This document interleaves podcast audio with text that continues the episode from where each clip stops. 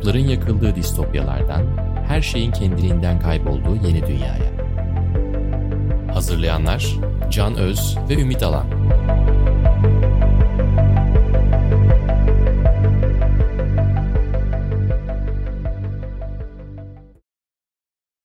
Merhaba, Yeni Medya 451'in yeni bölümüne hoş geldiniz. Bugünkü konumuz Sıcak Kafa, Netflix'te yayına giren bir distopya dizisi olan Sıcak Kafa'yı bugün konuşacağız.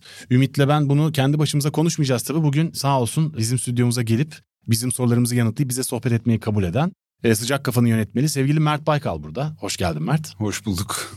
Teşekkür ederim beni geldin. kabul ettiğiniz için programa davet ettiğiniz için daha doğrusu. Ya çok heyecan duyduk açıkçası. Yani tabii bizim Fahrenheit 451'den ismini alan bir distopya eserden ismini alan bir podcast çekiyor olmamızın da burada bir etkisi var. İkimiz de distopyaya meraklıyız ama hem distopya bir Türk distopya eseri olması çok zor yapılan bir şey bu ve müthiş becermişsiniz birçok şeyi. Bunu birazdan konuşacağız. Olması ama bunun yanı sıra da sosyal medya, yeni medya, yeni çağ, yeni iletişim sorunları, pandemi sonrası insan ve şehir ve hayat ve bunların hepsinin hayatımıza ve geleceğe etkisi üstüne de çok mesaj ve çok konu olan, çok işaret olan bir hikaye çekmişsiniz. O yüzden zaten biz çok çok mutlu olduk katıldığın için. Çok teşekkür ederiz. Ben teşekkür ederim. Bir kere önce diziyle ilgili hemen şeyi söyleyelim. Bugün bu programı dinlerken bir takım spoilerlar duyabilirsiniz. İzlemediyseniz haberiniz olsun. Biz oturup dizinin hikayesini size baştan sona anlatmayacağız. Spoiler verip sonunu falan söylemeyeceğiz. Ama spoiler vermeyelim diyerek burada yönetmenini de bulmuşken diziyi konuşmaktan imtinada etmeyeceğiz.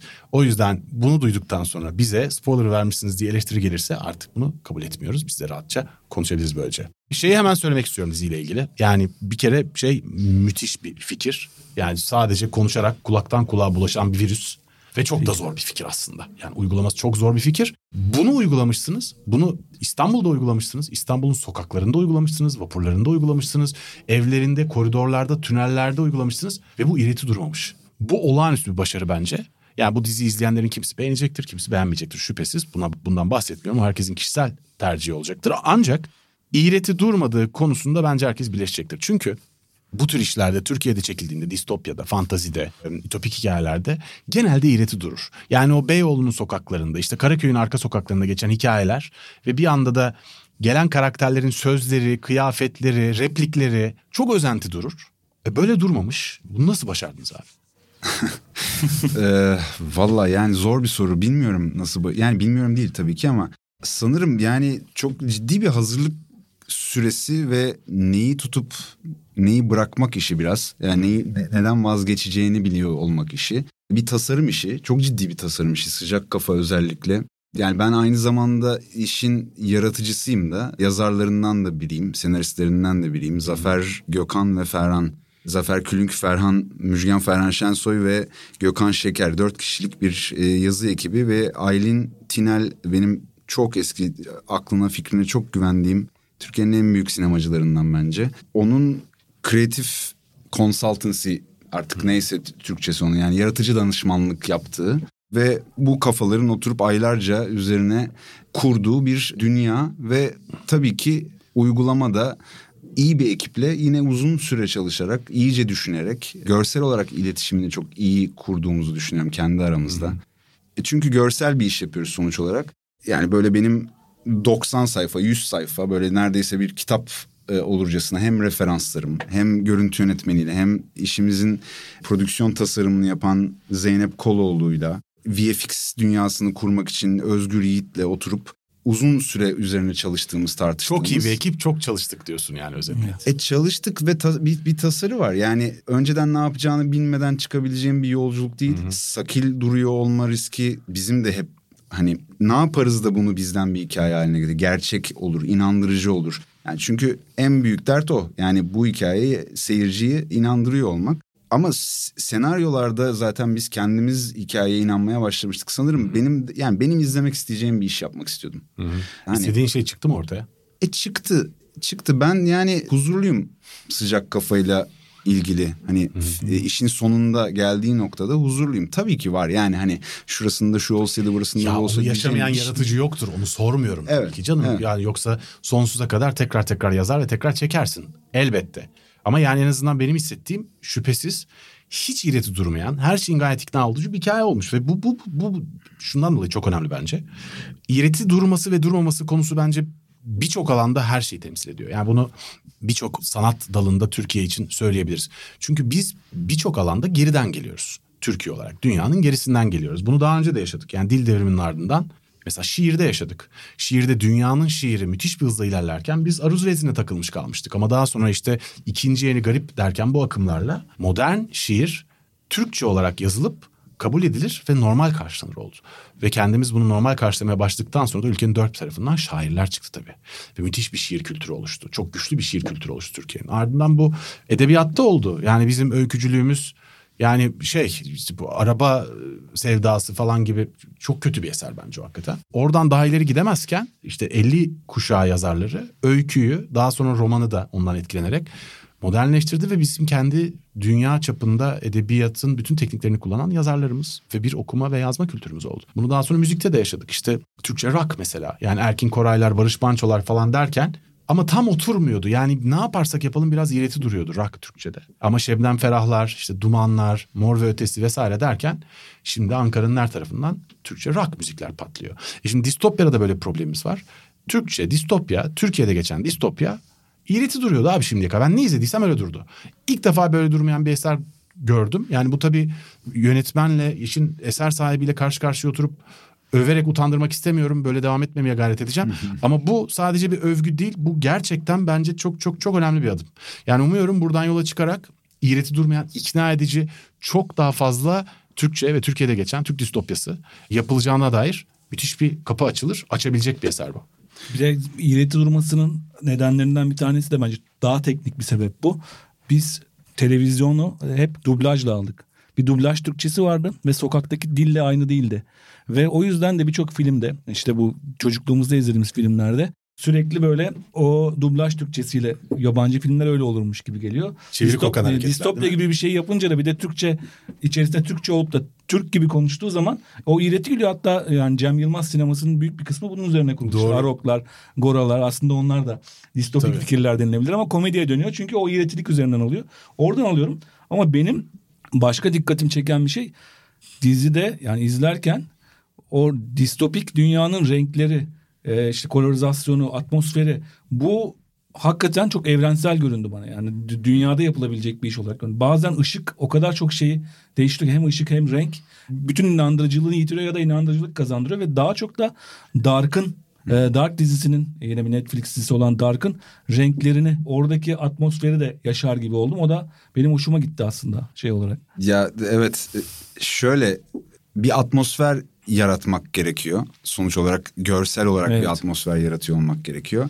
Hem de tabii ki işitsel her anlamda bir atmosfer ve biz bunu işte bölgeler ol- oluşturarak işte güvenli bölgeler, karantina bölgeleri, altıncı bölge ve o, o dünyaların içinde her birinin kendi tonu, dokusu farklı olsun istiyorduk. Ve ne tesadüftür ki hani bu Dark yorumundan sonra gerçi ben Dark'ın renklerine benzediğini düşünmüyorum ama Dark'ın koloristi Stefan'la çalıştık.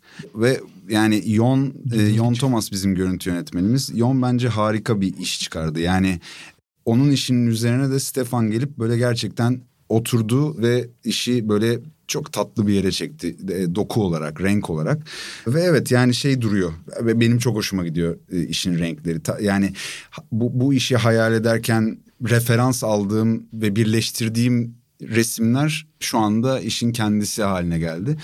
Böyle yani e, işin atmosferi çok kıymetli. Yani e, iyi bir atmosfer yaratmanız gerekiyor inandırıcı olmak adına da. Benim için şey mesela hani biz neredeyse aynı yaştayız. Bu 90'lar Mecidiyeköy'ü falan hatırlarsınız değil mi? Samiyen ve etrafı. Yani güvenli bölgeler biraz öyleydi. Hani benim için. Çok çok güzel evet doğru. Yani e, biraz o E5 tepen, tependen geçen E5'in altı o kalabalık o şey yani çok yani futbol da çok hayatımda böyle önemli bir yerdeydi o dönem benim. çok Viyadüğün altı da güvenli bölge miydi gerçekten? Ay, o şey. Evet yani hani Umut Sarıkaya'nın cehennem diye tarif ettiği o yer. Yani işte 6. bölge bir tık daha böyle e, denetimsiz abuklara SMK'nın dokunmadığı hatta şey diye de düşünüyorduk yani orada öyle bir iş yani öyle bir güçleri de yok. Hani orayı toparlamaya, orayı kapatmaya, orayı duvarlamaya. Çünkü bu şehre bir şey de giriyor olması lazım dışarıdan. Bir tic- ticaretin de dönüyor olması lazım. Bir, bir limanı olması lazım. Yani her yeri duvarladığında da olmuyor. Bir, bir bölgeyi açık bırakıyor olmaları lazım diye düşünüyorduk. Altıncı bölge biraz öyle bir yer. Böyle vahşi batı gibi. Yani hem abukların sokakta dolaştığı hem işte mafyanın bir tarafına hakim olduğu, SMK'nın da varlığını gördüğümüz ama güvenli bölgeler kadar şey olmayan bir yer. Oranın artı birin de yani bu aslında işin isyan eden La Revolution hani şeylerdeki bütün distopyaların troplarından biridir o da.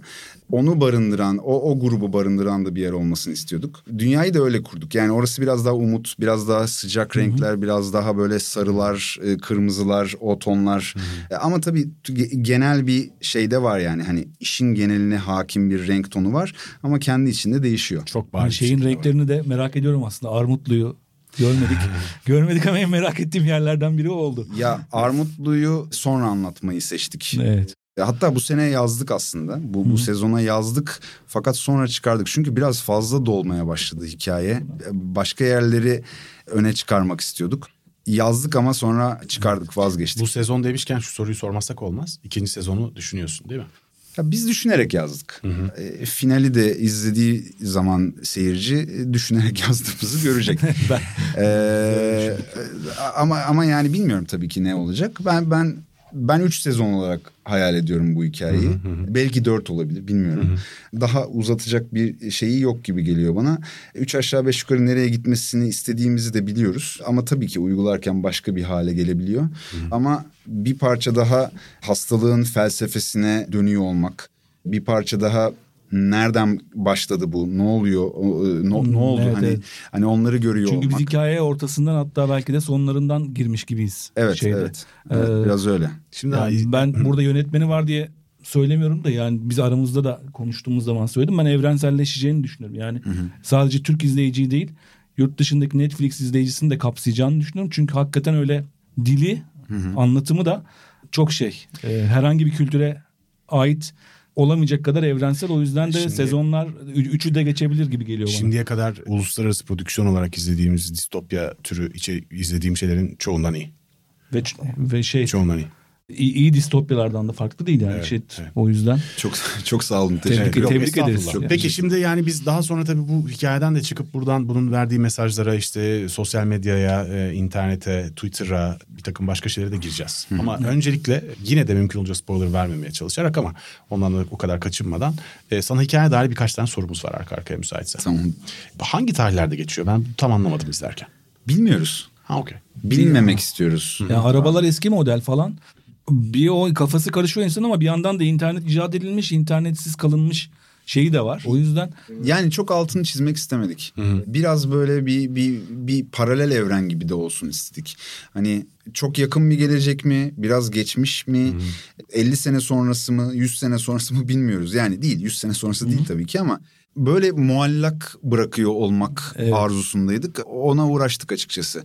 Yani tabii internet var ama böyle teknoloji de bir parça kullanım dışı kalmak zorunda kalmış. evet. Yani atıyorum YouTube'dan bir abuklama dinlemek istemeyeceği için kimse ya da e, akıllı telefonların ne bileyim Hey Siri falan deyip bir anda böyle bir abuklama. Aynen aynen. hemen şey yapalım eğer izninizle. İzlememiş olan bir sürü dinleyici olacaktır yine de. Abuklamanın ne olduğunu söylemek lazım. Evet abuklama. e, Abuklama aslında bir hastalık konuşarak kulaktan kulağa yayılan bir delilik e, hastalığı. Afşin e, ARDS diye kodluyor hastalığı. Acquired Reasoning Deficiency Syndrome yani edinilmiş akıl yürütme eksikliği sendromu e, denebilir. Ama halk arasında tabii ki bu ARDS'li falan ya da denmediği, e, o tarz bir şey denmediği için e, abuk denmeye başlıyor. Çünkü abuk subuk konuşmaya başlıyor insanlar. evet, herkes indie grup ismi gibi konuşmaya başlıyor. Türkiye'nin yerli indie grup isimleri gibi konuşan Mükemmel insanlar. ya bu arada onu soracaktım. Şimdi abuklamaya başlıyor insanlar ve hakikaten karma karışık kelimelerle arka arkaya e, rastgele bir cümleler kuruyorlar. Bu cümleleri kim yazdı? Biz yazdık. Çok komik olmuş. Eyvallah. Çok komik olmuş. Yani şöyle abuklama yazarken şeye dikkat etmek istedik.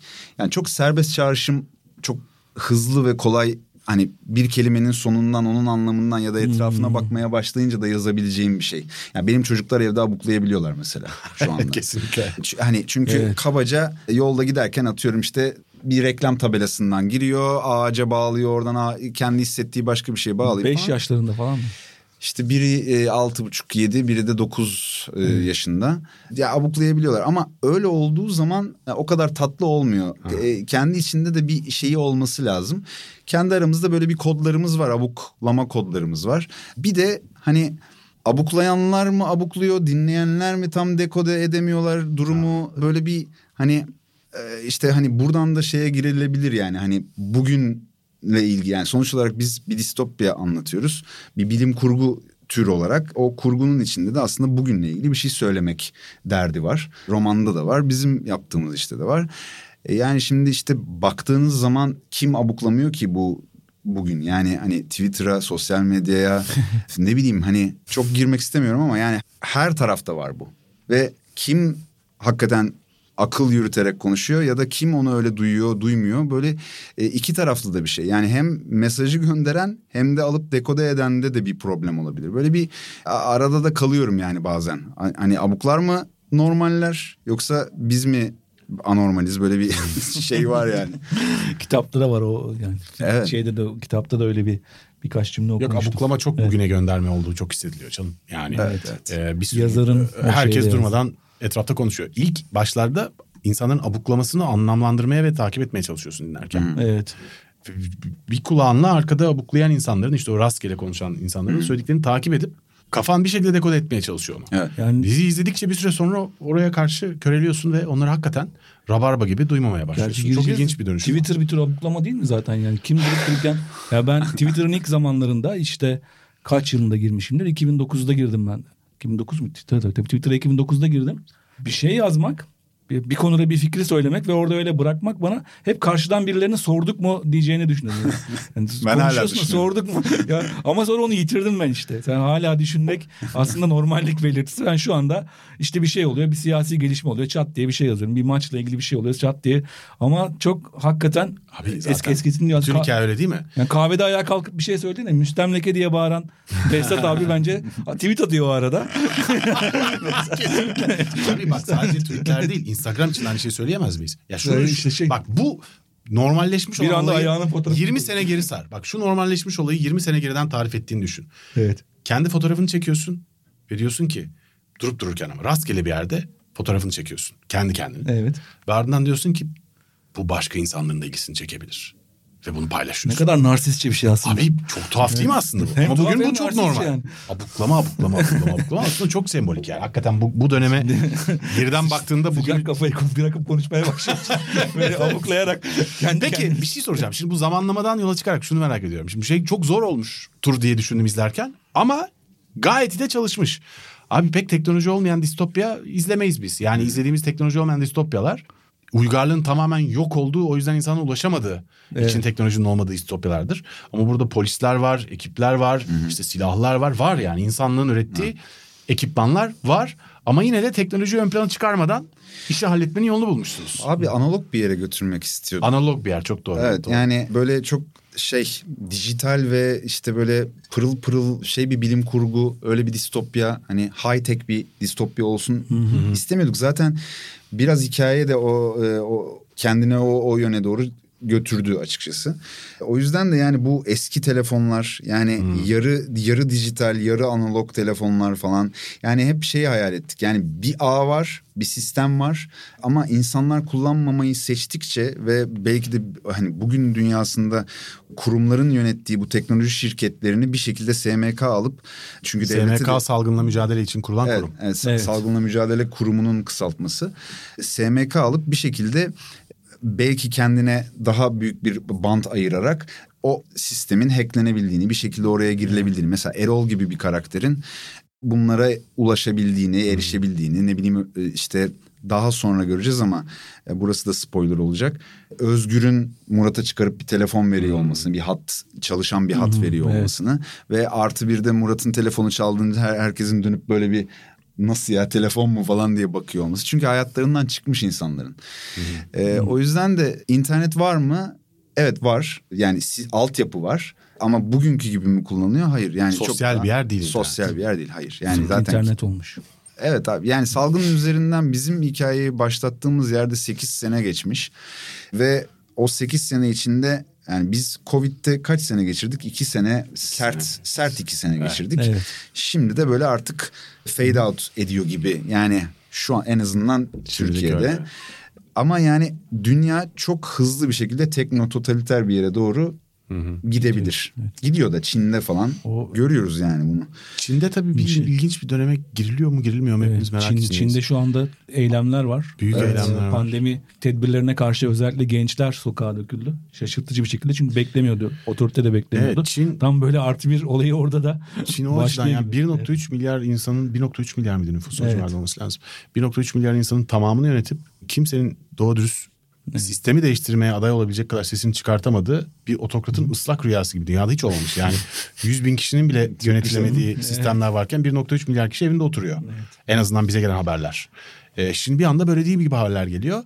Yani Çin'de bir şeyler bir gün değişebilir gibi bir görüş ortaya çıkar da bu sabit fikir sarsılırsa o zaman belki bir şeyler olabilir. Ama bu ezber tabii dünyanın da totalitarizme yaklaşımını çok güçlendiren bir fikir maalesef.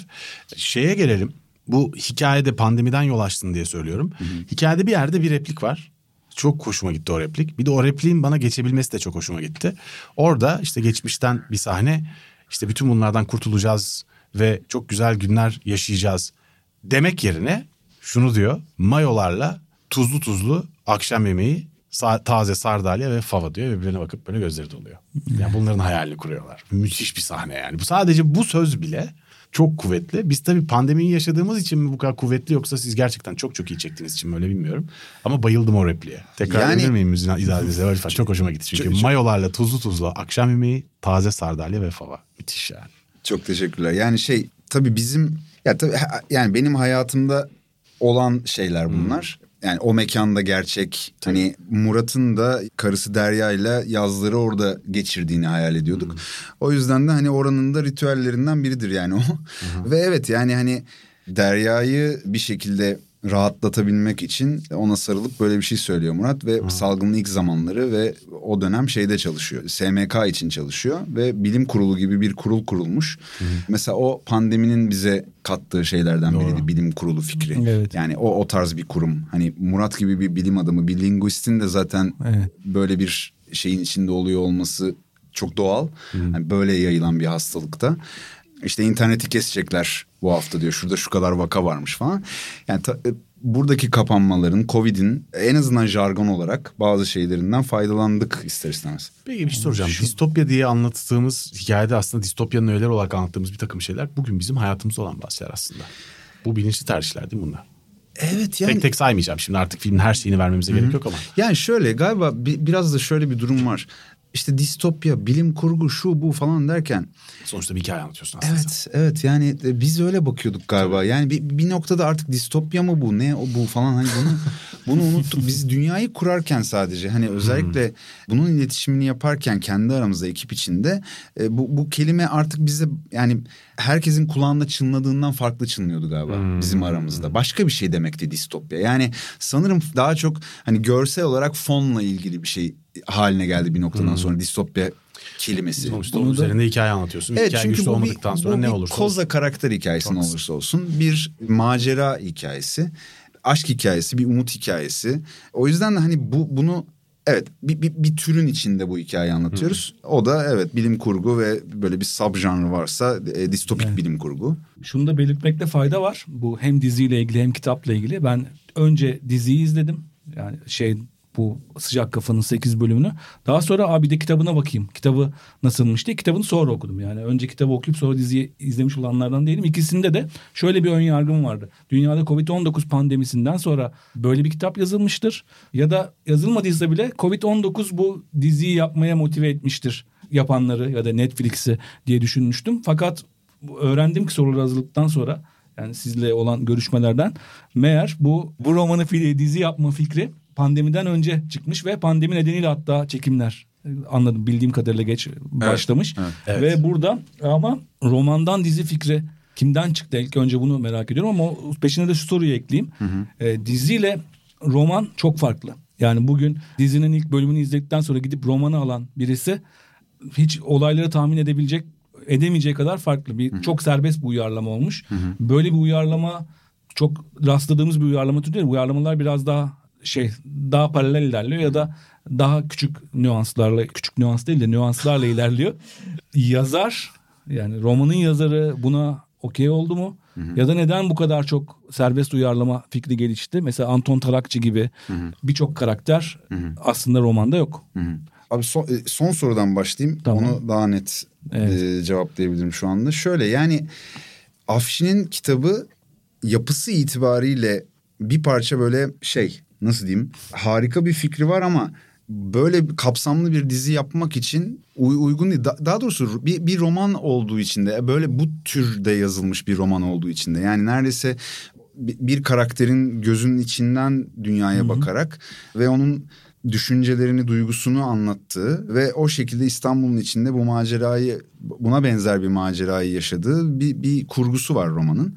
Ama bizim yani dramaturji öyle çalışmıyor. Bir de Ümit'in söylediği tam doğru değil ya. Abi senin söylediğin filmler için geçerli. Yani kitaplardan, romanlardan film yapıldığı zaman çok daha sapılıyor da dizi yapılırken genellikle 8 bölüm, 10 bölüm, 20 bölüm falan zaten bir romandan olduğu gibi onlar Evet, çıkmaz yani evet abi. evet Ama ama yani şey- şey, olarak hakikaten bir biraz biraz serbest bir uyarlama oldu ama biz Ümit bana şey diye bakıyor. konuştuk. Bunu programdan önce konuşurken niye söylemedin? Niye şimdi çakıyorsun bakış attı bana. evet yani çünkü şimdi aklıma geldi abi ne yapayım? dizilerde de aslında bir en azından karakterler aynı oluyor yani. Burada Evet. birçok eklenmiş karakterler var hiç E, bilmediğimiz ihtiyacımız görmediğimiz da vardı. şeyde İhtiyacım, yani karakterler. Anton gibi bir karaktere ihtiyacımız vardı. Hikayenin ihtiyacı Çünkü vardı. ben bir arkadaşımla e, konuştum izlerken işte Sıcak Kafa romanını film yapmışlar, dizi yapmışlar pardon E, ve onu izliyorum dedim. Arkadaşım da romanı okumuş ama diziyi henüz izlememiş. Dedi ki ondan dizi olmaz ki dedi. Yani herhalde romanın yapısına sizin de anlattığınız şeyler romanın yapısına bakarak söyledi. Şu anda da onun cevabını alıyoruz. Evet evet yani e, şimdi ben tabii çok açık konuştum Afşin'le. E, fikri yani o, o zaman öyle bir iletişim kurabildik. E, mü- müthiş bir adam yani hani hakikaten harika bir fikir üzerine çok da güzel bir roman yazmış. Ben romanı bir de çok tesadüfen e, ilk defa dinledim böyle bir abuklamaya maruz kalır gibi. Böyle e, yoğun çalıştığım bir dönem falan hani bir şey okuyamıyorum. Şeyden, sesli kitap oldu Sesli sende. kitap diye bir seslenen kitap diye bir aplikasyon vardı. Sonra Evet, Storytel. oldu. Storytel oldu. Aynen. Ee, Storytel'le dönüştü o. Onu Dönüştü. yöneten adam Storytel'in başında şu an. Öyle mi? Berk. İmamoğlu evet. Çok hoş bir heriftir. Okey yani işte o, o, o uygulamada gördüm sıcak kafayı ve böyle hani çok şey hani böyle bir, bir gün evde otururken falan böyle bastım ve dinlemeye başladım. Sonra hemen gittim kitabı da zor buldum. O zaman yani 2018'de 2016'da basılmıştı kitap. Bir tık zor buldum. Hemen tekrar kitabı okudum. Sonra böyle bayağı bir kafamda döndürmeye başladım. Nasıl bir şey çıkar bundan diye. Çünkü şey yani benim gözüme böyle çok acayip resimler geliyordu yani sıcak kafayla ilgili. Hani o dünyayla böyle bir İstanbul nasıl olurdu? Hani bö- bu tarz bir İstanbul'da geçen bir dizi nasıl olurdu falan derken tabii böyle bir cahil cesareti diyeyim herhalde. Ama çok Şey, iyi olmuş hakikaten. yani Şey, teşekkürler. Yani şey oldu. O, oturup üstüne yani pandeminin öyle bir faydası oldu galiba bize. Yani hiç düşünem ayıramayacağımız kadar zaman ayırabildik böyle bir işe. Sanırım. Pandemiyi yaşamış olmak, pandemi içinden geçerken getir o fikirler getirip hikayeyi etkiledi mi yoksa e, bir çok parça az? etkiledi. Yani şöyle çok ciddi, ciddi bir sağlama yaptırdı bize. Hmm. Ya şeyi çok konuşuyorduk mesela onu itiraf edebilirim. Yani abi böyle bir hastalığın olduğu yerde biz nasıl diyalog yazacağız anasını satayım. Ha. Ya bunu çok konuştuk. Yani ben böyle uykularım kaçıyordu. Yani hakikaten böyle bir hastalık varken nasıl olacak da biz diyalog yazacağız. Sonra abi bir baktım ki kimse maske falan takmıyor. Çok güzel. Ölebilirsin lan hani ya kendini öldüreceksin ya karşıdakini öldüreceksin. Ölümcül bir virüs. Hani daha aşı yok bir şey yok ve ilk günler hakikaten millet çatır çatır gidiyor. Çenede takıyorlardı. Şurada. Abi adam maske takmıyor. Sonra şöyle olduk. Yani evet ya. Hani kulaklık da böyle olacak o zaman yani. Hani çünkü insan böyle bir şey yani hani hele bir de bu kadar sosyal, bu kadar şey bir canlı. Hani neredeyse bütün uygarlığı yani uygarlığını şeyle kurmuş. Hani konuşarak, iletişim Evet. kurarak bu, bu bugünkü noktaya gelmiş. Çok acayip yani çok saptım galiba konunun Hayır, Yok, yok, şeyinden. yok. Şeyi ben Afşin Kuma tabii da bunu daha çok sormak lazım bu fikri bulduğu için yani iletişim yoluyla bulaşan virüs. Ama bence müthiş bir alegori ve inanılmaz bir fikir. Çünkü sosyal medyada zaten birbirimizi zehirlediğimiz bir şeye dönüştü. İşte hakikat kayboldu. Hakikat sonrası diye bir çağdan bahsediyoruz. Onun üzerine işte bu algoritmik nef- nefret yükseliyor. Nefret söylemi yükseliyor. Ve insanlık birbirini zehirli iletecek. Onu bilmiyorum siz sorabildiniz mi? Şeyden sosyal medyanın alegorisi midir bu? İnternet sonrası dünyanın alegorisi midir diye sormak isterdim. Afşin Kuma bu asıl öz fikir için. Tarz bir soruyu yanıtlamış olmalı Afşin. Ben yani biz tabii bunu konuştuk. Evet hani böyle ifade eder mi bilmiyorum ama tabii ki öyle. Yani hani bir tek o da değil muhtemelen. Yani ben şey düşünüyorum. Yani Afşin'i bilmiyorum ona so- sorabiliriz. Evet. Ama ben şöyle düşünüyorum. Başka bir tema da koymak istiyorduk altına biz bu, bu işin. Yani ben istiyordum daha doğrusu. Ee, hani ç- çünkü şey bana fazla sci-fi geliyor.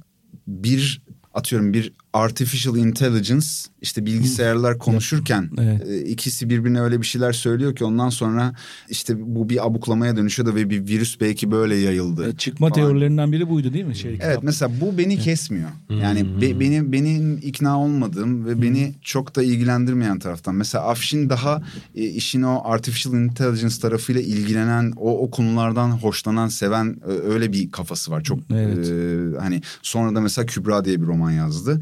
E, o da kabaca böyle bir yerden beslenen bir roman fikir olarak. Ben başka bir şey olması gerektiğini düşünüyorum. Ben bunun bize böyle bir yani bu bu bizim için ya bir ceza ya hani yani bir, biraz bir doğanın bir şeyi o yani doğal bir şey olması gerektiğini düşünüyordum. O yüzden de Aylin benim hayatıma şeyi soktu. E, Paul Stamets diye bir herifi soktu. Ondan sonra da mantarlar, miselyumlar ve böyle fantastik fang, fungi diye bir belgesel izledik. Ve ondan sonra benim sıcak kafayla ilgili bambaşka bir e, deniz açıldı benim. Böyle bir hakikaten açıldık yani şey olarak. Hani de- de- derine gidebildiğimiz bir yerler olmaya başladı. Benim kafam öyle çalıştı. Ve bu yani işte aslında tabii beyinle ilgili bir şey. Anlamla bulaştığını düşünüyoruz biz bu virüsün.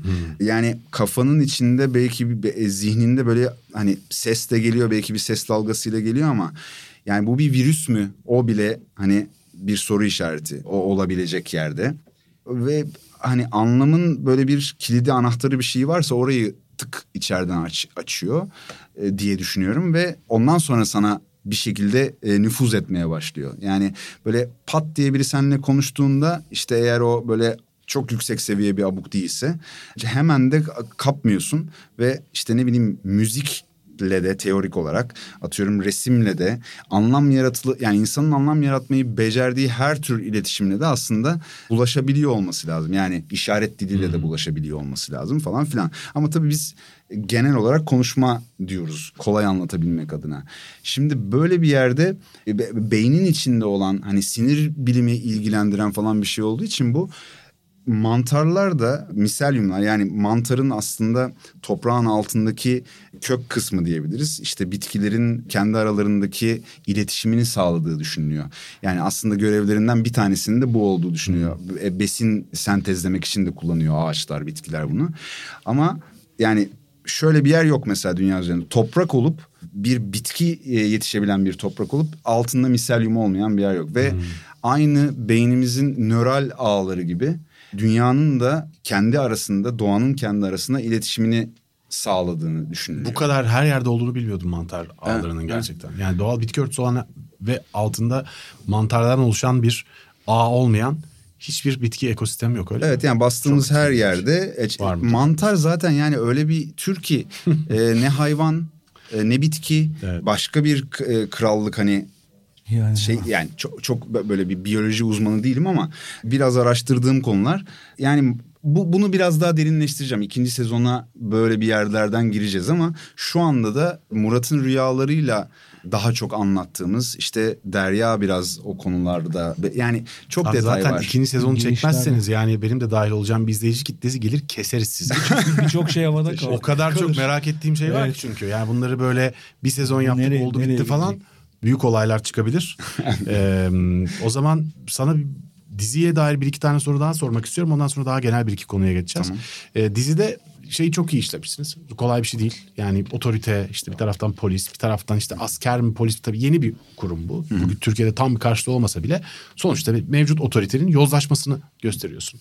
Ve burada otorite salgının devamını istiyor. Salgının bitmesine engel olmaya çalışıyor veya bitmesine dair araştırma yapanlara engel olmaya çalışıyor falan. Ağır spoiler verdim ama başta uyarmıştık. Artık yapacak bir şey yok.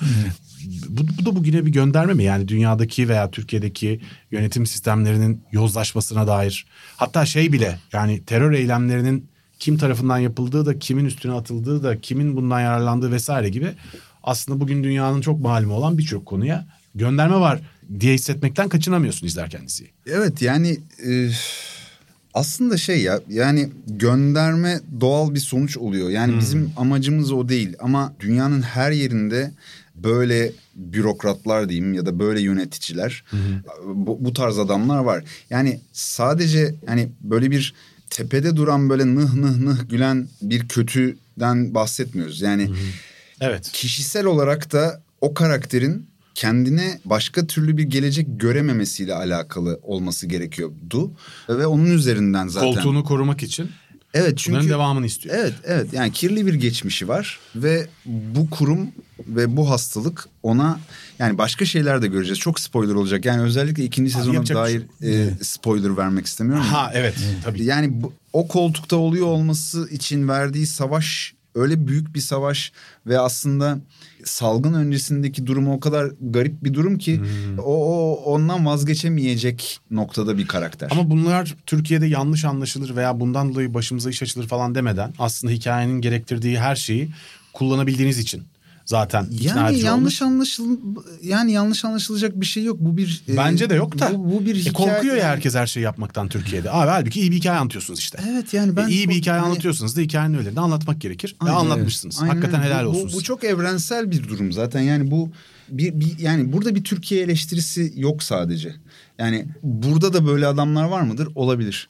Vardır. Bütün, bütün dünyadaki var. otoriteye karşı Ee, aslında ama şey. ama dünyada da böyle adamlar var mı? Evet var. Yani hani bu bu karakter böyle bir karakter ve bunu başka türlü anlatmanın bir etrafından dolaşılacak bir şey değil. Zaten iktidarın, yönetimin, devletin, hükümetin neyse oradaki güç, hakim güç onun yozlaşması üstüne kuruludur dünyadaki bütün distopyalar. Yani o hikayenin distopyaya varmasının sebebi işte bir takım yönetenlerin yediği nanelerdir zaten. O yüzden zaten bundan kaçınarak iyi bir distopya çıkabileceğini ben düşünmüyorum. Yani aklıma gelmiyor hiç.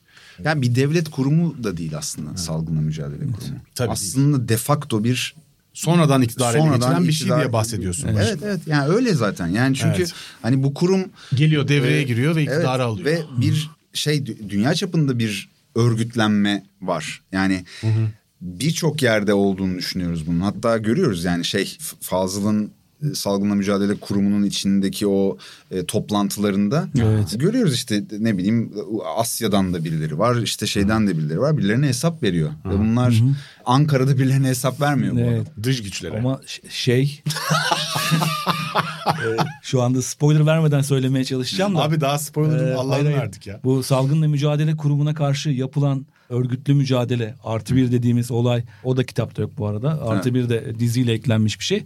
O artı birin olayını işlerken senaryoda en çok hoşuma gidenlerden biri.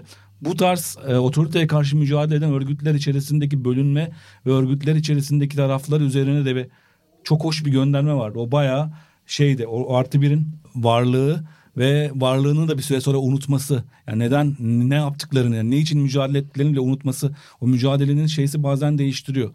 Yani Türkiye'deki 70'lerdeki şey, hikayede de o vardır aslında. Orada biraz e, Türkiye'nin 70'lerdeki örgütlü mücadelesine ilişkin ben kendi adıma bir gönderme aldım. Muhtemelen sizin aklınıza gelmedi ya da geldi mi bilmiyorum. Yani e, bilmiyorum şey şu yok oraya bir gönderme olsun diye bir şey yapmadık ama yani genelde öyle olmaz mı? Yani böyle bir amaç uğruna toplanan İnsanlar, insanlar evet. bir noktadan sonra o amaç neydi? Ya daha doğrusu evet hani neydi o amaç?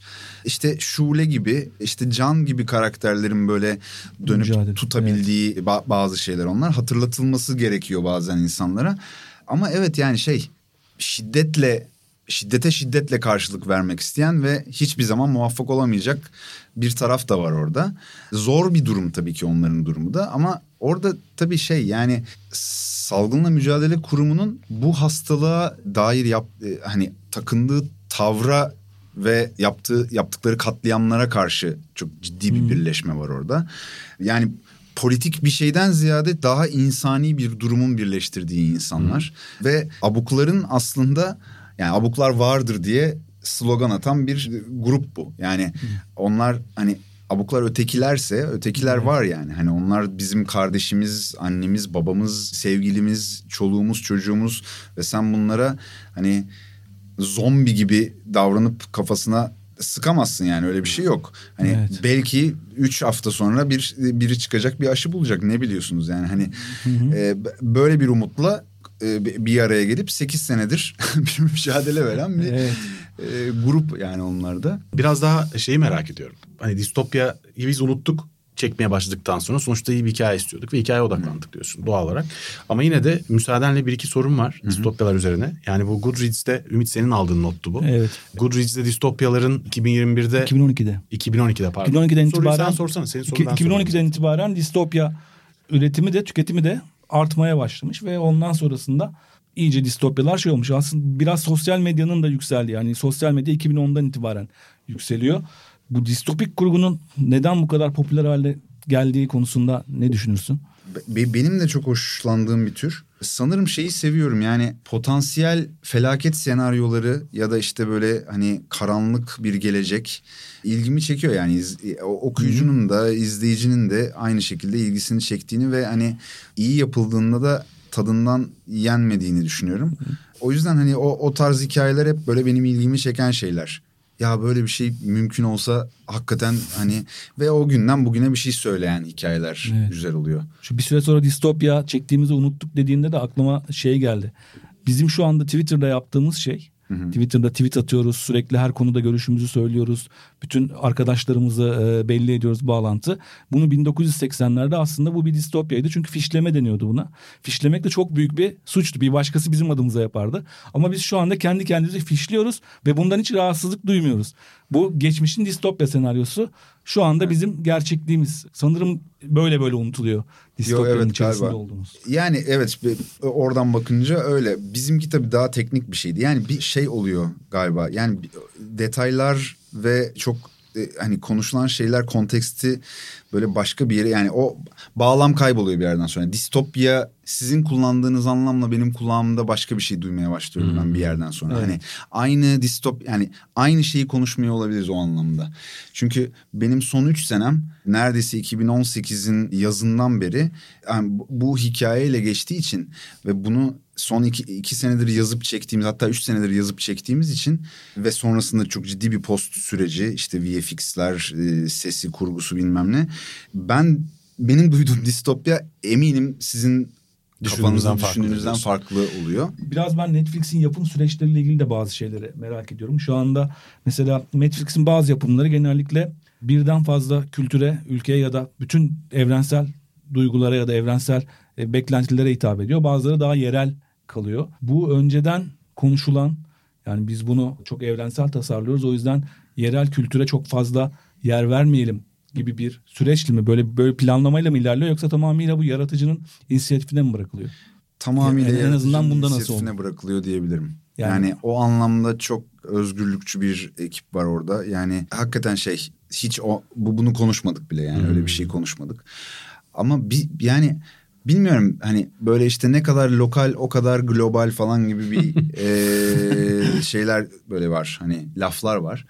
Ben onun öyle olup olmadığını bilmiyorum ama şeyi biliyorum samimiyetle yazdığın, çektiğin ve e, hani ö- ö- öyle bir bir iş İngilizceye çevrildiğinde de Fransızcaya çevrildiğinde de orada da gösterildiğinde karşılık bulabilir diye düşünüyorum.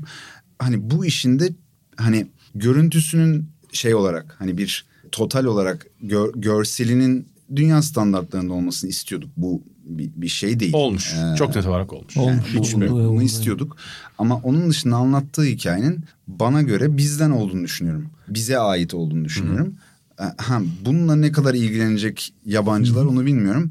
Ee, ama hani bu şey döneminde böyle pre-launch döneminde işte fragmanlar yayınlanmaya başladığında yabancı sitelerde de yabancı izleyicinin de ilgilendiğini gördüm. Umarım onlar da sever seyrederler. Evet yani meyhane planları ya da E doğru meyhane planları var değil mi? meyhane planları biraz yerel. Ee, onlarda acaba ben hep yabancı izleyici nedense bunu izlerken başından itibaren çok evrensel gördüğüm için artık bazı yerlerde şeyi sor. Yabancı izleyici ne der acaba diye meyhane planlarına aklım takıldı. Ondan sonra birçok yabancı filmde işte Inglourious Basterds'ı hatırladım. Soysuzlar Çetesi'nde birçok şey restoran planı vardır. E onların şey içki şey restoran kültürü için bana hiç yabancı gelmediğine göre bu da e, insanlara çok yabancı gelmedi. meyhane zaten- O tarz şeyleri seyretmekten Evet. keyif alacaktır insanlar çok- bence ya. Yani bize, Oradaki ne müzik- kadar bize ait olursa yani bu e, ne kadar lokal o kadar Evet. global meselesi aslında böyle safsata bir laf değil. Doğru bir Evet. şey ama hani o, Bazen- o kafayla da biz şey- Bazen çok şey abartılıyor. Lokalle oryantalist tabii birbirine karışmasın. başka bir yani. şey. Hiç Evet. öyle bir şey de yapmamışsınız. Evet. Abi meyhane evrensel bir şey zaten. Yani taverna veya işte şeyde İspanya'nın güneyindeki bütün o tapas kültürünün olduğu yerler falan bunlar aslında çok farklı isimlerde çok benzer. Bizim sanat müziği var ya arkasında. Ondan Evet işte, tabii o ki öyle sanat de müziği- yine de Nasıl? Ben hep onu düşündüm. Türk sanat müziği acaba yabancılara ne ifade ediyor? Ha çok, bak, çok düşünürüm onu. Şey yapmışsınız galiba. Evet. Oradaki müziklerin hepsini e, bir yerlerden almayıp baştan yapmışsınız kendiniz o galiba. gazino planındaki o şey gazino mu deniyor? O çok ilginç. Hangisi? şey plan. Gazinodaki bütün arkada çalan müzikler Bir adam albüm kaydediyor ya. Bir tanesi Müzeyyen Senar. Yok Ha, yok bravo. yok şey şey gazino değil. Maksudi mi? Maksut Maksut muydu onun adı? Maksudi. O, o şarkılar benim abi. Onları ben ben yazıp besteledim. Cem adam etti tabii O ki. şarkılar çok iyi. Sen kendin mi yazdın şarkıları? Ben yazdım şarkıları. Ama yani o karaktere yazılması gereken bir şey olduğu için hani Tabii. onun dünyasında bir şey olması gerekiyor. Bunlar Ee, çıkacak mı soundtrack olarak?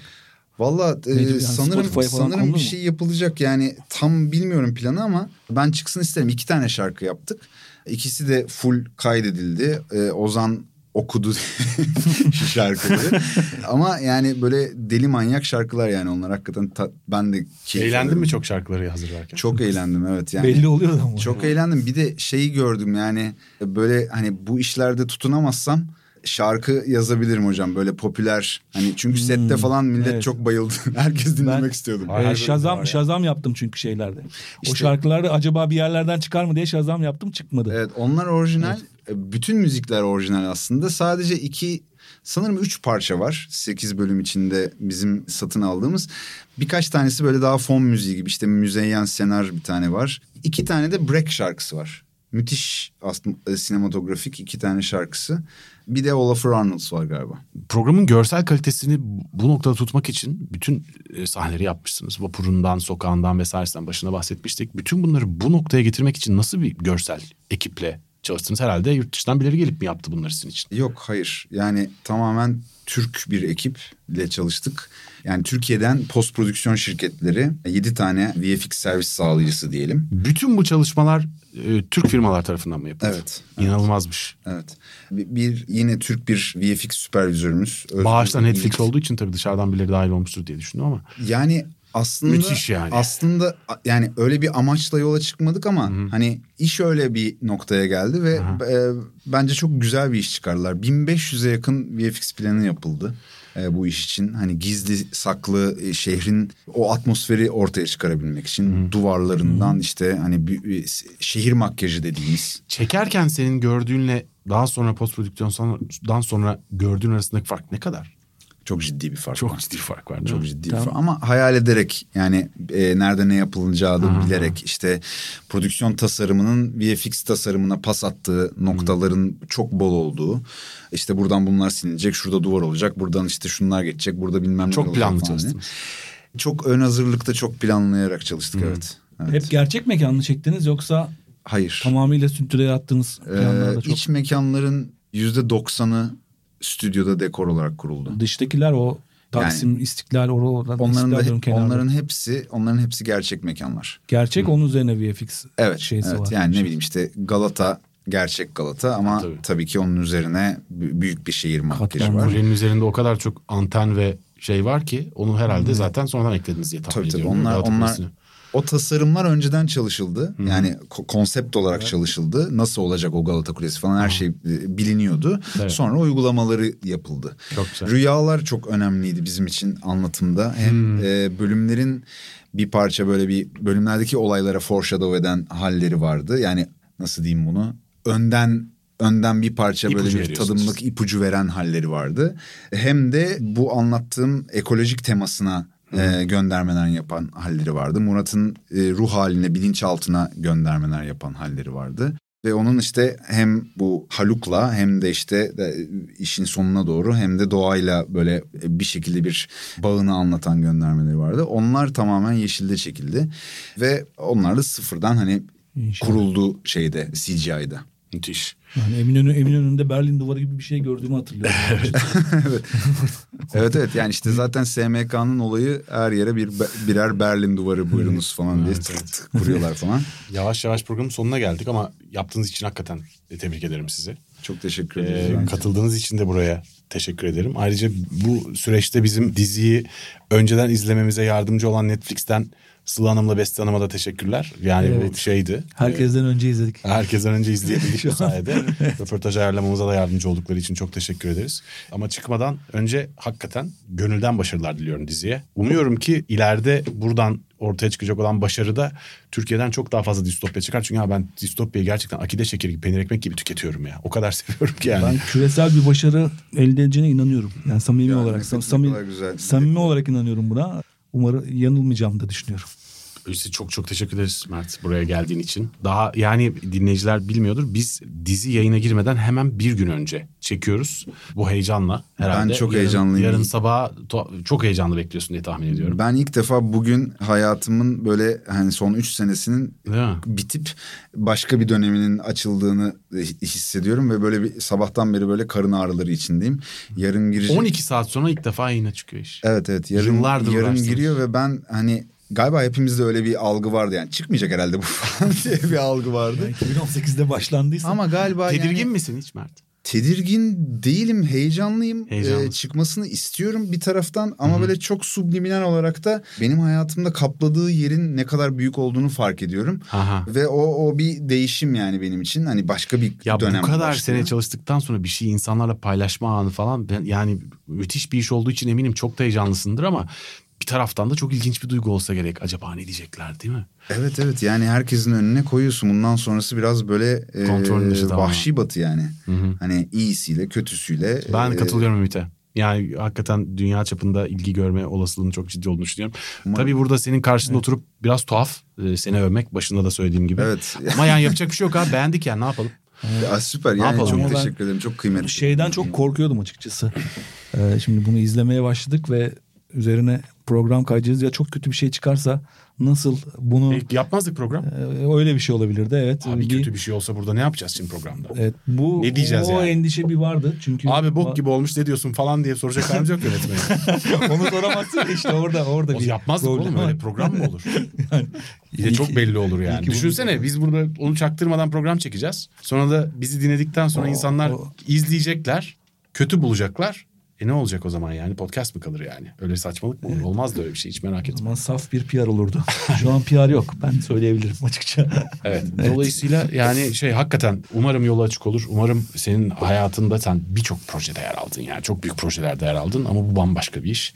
Umarım müthiş boyut açılır hayatında. Umarım Türk distopyasında, Türk dizilerinde de dünya çapında bu alanda biraz daha fazla iş çıkar. Çünkü şeylerin artık çok iç sıktığını düşünüyorum kendi adıma öyle. Yani üçer saatlik, ikişer saatlik çekip çekip dörde bölüp Brezilya'ya oraya buraya satılan dizilerden hepimize gına geldi diye düşünüyorum bir taraftan. Yani bu evet olması gereken bir şey ama bundan ibaret olmamalı. İşte bu daha kısa çekilen işte bir saatlik belki bölümler ama doğrudan bölümüne yönelik dünya çapında olmaya yönelik bir iş çekmişsiniz. Tebrik ederim. Ee, yolu açık Teşekkür olsun. ederim. Hep Çok beraber merakla bekleyeceğiz sonuçlarını. Valla sağ olun beni hem davet ettiğiniz için hem işi izlediğiniz için kolay değil 8 saat. Yok canım ne münasebet. Ee, çok teşekkür ediyorum. Yani tüm emeği geçen herkesin bu işte öncelikle oyuncuların, ekibin, yazarların, Netflix'in he- herkesi herkese teşekkür ediyorum. Yani Çok tatlısın. Çok inanılmaz kötü topa e, bağlıyorum. Abi sana. çok Şunu- ama içinden geçen bu belli ki Evet, bunu yani- söylemenden daha iyi bir kapanış olamaz. Aynen. Çok güzel. Öyleyse sevgili dinleyiciler Yeni Medya 451'in Sıcak Kafa bölümünün sonuna geldik. Bir dahaki bölümde görüşmek üzere. Hoşçakalın. Hoşçakalın. Hoşçakalın.